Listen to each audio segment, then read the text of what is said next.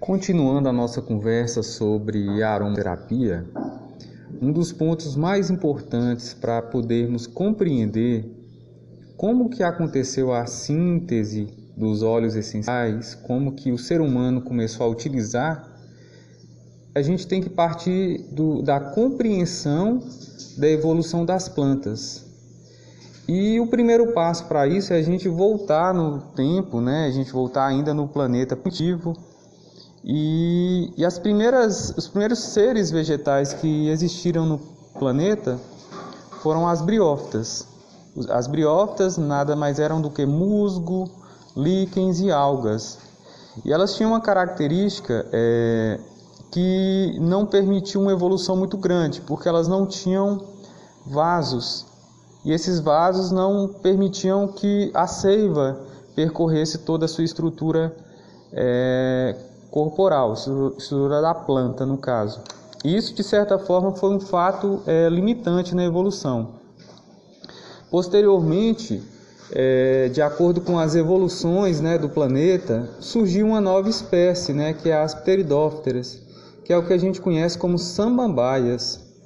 Então, elas surgiram com uma estrutura que permitia que essa seiva percorresse todo o seu corpo. Elas tinham é, tipo canais vascularizados, como a gente tem no nosso corpo. Essa adaptação permitiu que elas ganhassem um tamanho maior e, e elas começaram a adentrar no continente. E em poucos séculos e durante milênios, elas dominaram a paisagem do planeta Terra. Porém, num determinado período, a Terra começou a esfriar e entrar num período glacial. As pteridópteras, as sambambaias, elas não tinham estrutura molecular adaptada para o frio, então elas congelavam. Então, nesse momento, surgiu o primeiro óleo essencial, que é o chamado pineno. As pteridópteras evoluíram para as coníferas, que é o que a gente conhece como pinheiros, plantas que têm cones, tanto que pineno vem de pinheiro. E esse óleo essencial, ele tinha uma característica bem interessante, que era justamente evitar que a planta congelasse, porque ele, ele dava um calor interno nas plantas. É, na sequência evolutiva, esses pinheiros, eles começaram a apresentar sementes, né? As famosas angiospermas. Só que até então essa polinização ela era passiva, ou seja, o vento, né, que disseminava o pólen entre as plantas. Então era uma polinização totalmente passiva. Passado alguns milênios é, e com a movimentação das placas tectônicas, né, essas coníferas elas começaram a, a se posicionar em locais mais quentes. Então, novamente, os óleos essenciais tiveram um papel essencial. E aí a gente tem a síntese de um óleo muito importante nesse processo, quando o planeta começou a esquentar de, de novamente, né, que é 1,8 cineol que é justamente o óleo de eucalipto. Né? Então ele trouxe como característica essa adaptação de, de esfriar a planta, o que possibilitou essa adaptação é, a esses locais quentes. Só que o que acontece? A planta ainda ela tinha essa dificuldade com relação à polinização. E não podemos desvincular o reino vegetal do reino animal. Nesse primeiro momento, o planeta Terra era um, era um ambiente agressivo. Tanto os animais quanto as plantas, eles tinham essa característica de busca constante da autopreservação. Então a gente observa nas plantas, plantas fortes, com características é, adaptáveis e simples, né? Nesse momento, os animais que dominavam a Terra eram os répteis. Então, a, área cerebral que os répteis é, tinham desenvolvido era a área reptiliana. E a grande característica desses animais é porque eram animais é, com características muito individualistas, porque eles precisavam ser dessa forma, por conta de como o planeta era, eles precisavam ser individualistas. As plantas da mesma forma, por isso que a polinização era passiva. Num determinado momento, os animais começaram a desenvolver o sistema límbico, que é o sistema das emoções. E as plantas começaram também a desenvolver algo parecido e inclusive estimular esse sistema límbico nos animais. Nesse momento, a gente diz que as plantas começaram a conversar, a conversar com o reino animal. Como é que elas fizeram isso? Através das flores e da sintetização do óleo essencial em si. Aí eu já estou falando do aroma, né? Então, através dessa estimulação nos animais, principalmente pássaros e insetos, o sistema límbico dos animais que já estavam em formação houve uma, uma implementação e uma estimulação maior. O primeiro óleo que agiu diretamente aí foi o linalol, que é o óleo presente nas flores de uma forma geral. O interessante é que esses dois reinos eles ainda continuam evoluindo e eu vou estar falando um pouco mais na próxima postagem.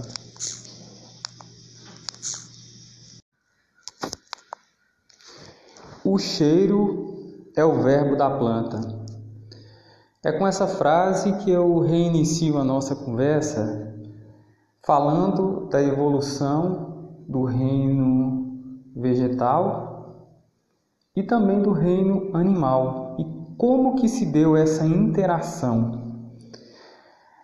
Essa comunicação, na verdade, ela surge a partir do momento em que as plantas começam a produzir flores, que por si já é uma comunicação visual, de cores, de intensidade, texturas, porém vem com um acréscimo a mais, que é o aroma. E esse aroma foi e é utilizado para atrair seres de outro reino, no caso, do reino animal, principalmente pássaros e insetos. Provavelmente a primeira flor que existiu no nosso planeta foi a magnólia. E ela sintetizou pela primeira vez um óleo essencial chamado linalol, que hoje está presente em grande parte dos óleos essenciais que, que tem cheiro, né, que são produzidos por flores. É, e aí a gente pode fazer algumas relações do ponto de vista emocional, psicoaromático. No período em que as coníferas, que os grandes pinheiros existiam, quais as características dessa planta? Uma planta alta, forte, resistente, ela tinha uma força interna grande para saber lidar com o meio exterior. Então ela precisava se fortalecer de forma interior, porém ela vivia de forma isolada, ela vivia dentro do seu mundo. Da mesma forma, os animais desse período, os dinossauros, né, eles tinham o cérebro reptiliano mais desenvolvido, então, eles tinham por característica essa individualidade, essa agressividade, esse instinto de autossobrevivência. Esse óleo essencial, ele tem essa função de trazer para o interior, trazer para introspecção, para reflexão, trabalhar um pouco dessa parte do cérebro reptiliano, que às vezes é necessário essa racionalidade. Quando analisamos a evolução cerebral para o sistema límbico e aí a relação com as flores, o mundo começa a mudar, os animais começam a haver uma maior interação e uma maior preocupação com a cria, com a manada, provavelmente o aparecimento dos mamíferos. Então começa a haver uma relação de maior afetividade. Os óleos essenciais de flores, eles têm essa função de estimular essa expressão do sentimento, de trabalhar dificuldades de relacionamento, timidez, justamente por agir no centro das emoções no sistema límbico. Então, quando falamos de aromaterapia, Estamos falando muito mais do que simplesmente um cheiro. Estamos falando de um processo que pode interagir de forma positiva, de forma terapêutica, dentro do nosso sistema cerebral. Daí a importância de ter uma compreensão é, profunda sobre o que está sendo aplicado. O cheiro é o verbo da planta. É com essa frase que eu reinicio a nossa conversa, falando da evolução do reino vegetal e também do reino animal e como que se deu essa interação. Essa comunicação, na verdade, ela surge a partir do momento em que as plantas começam a produzir flores, que por si já é uma comunicação visual de cores, de intensidade, texturas, porém vem com um acréscimo a mais, que é o aroma. E esse aroma foi e é utilizado para atrair seres de outro reino, no caso, do reino animal, principalmente pássaros e insetos.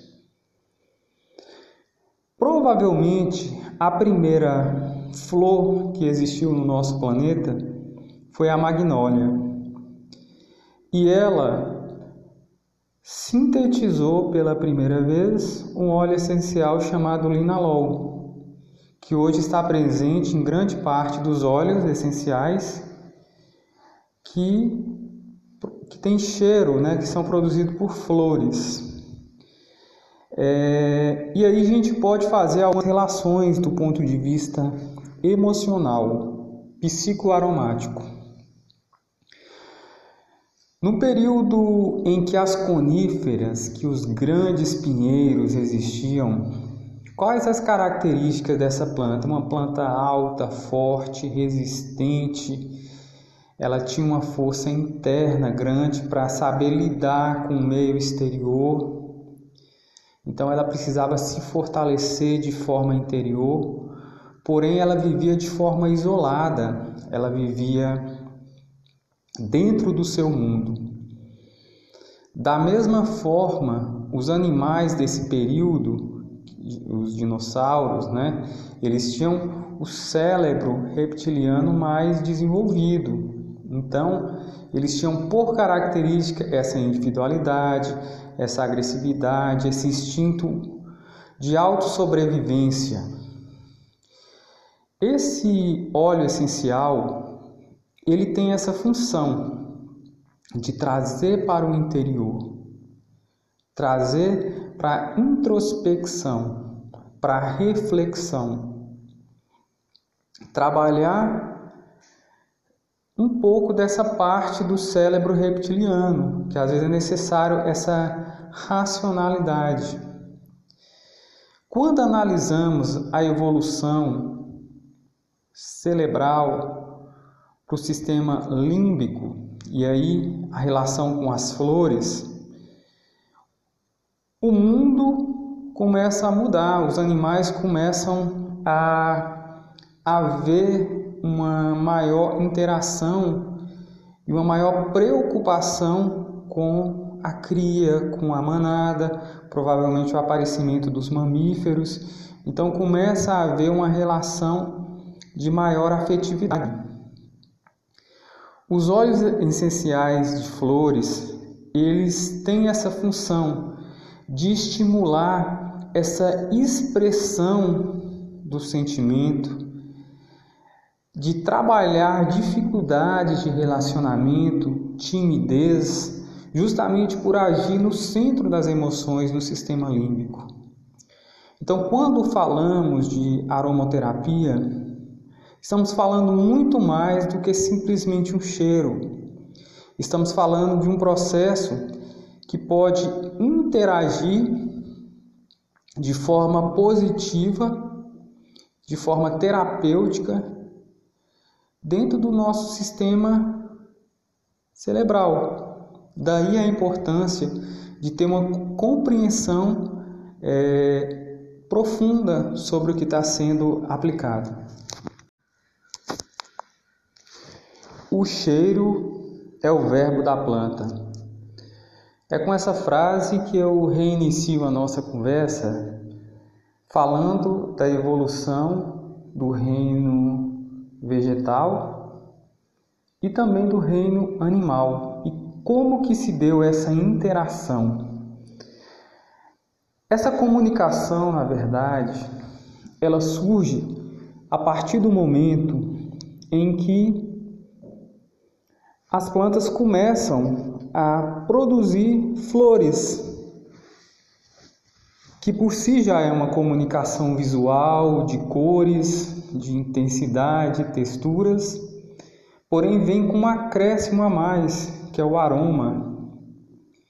E esse aroma foi e é utilizado para atrair seres de outro reino, no caso do reino animal, principalmente pássaros e insetos.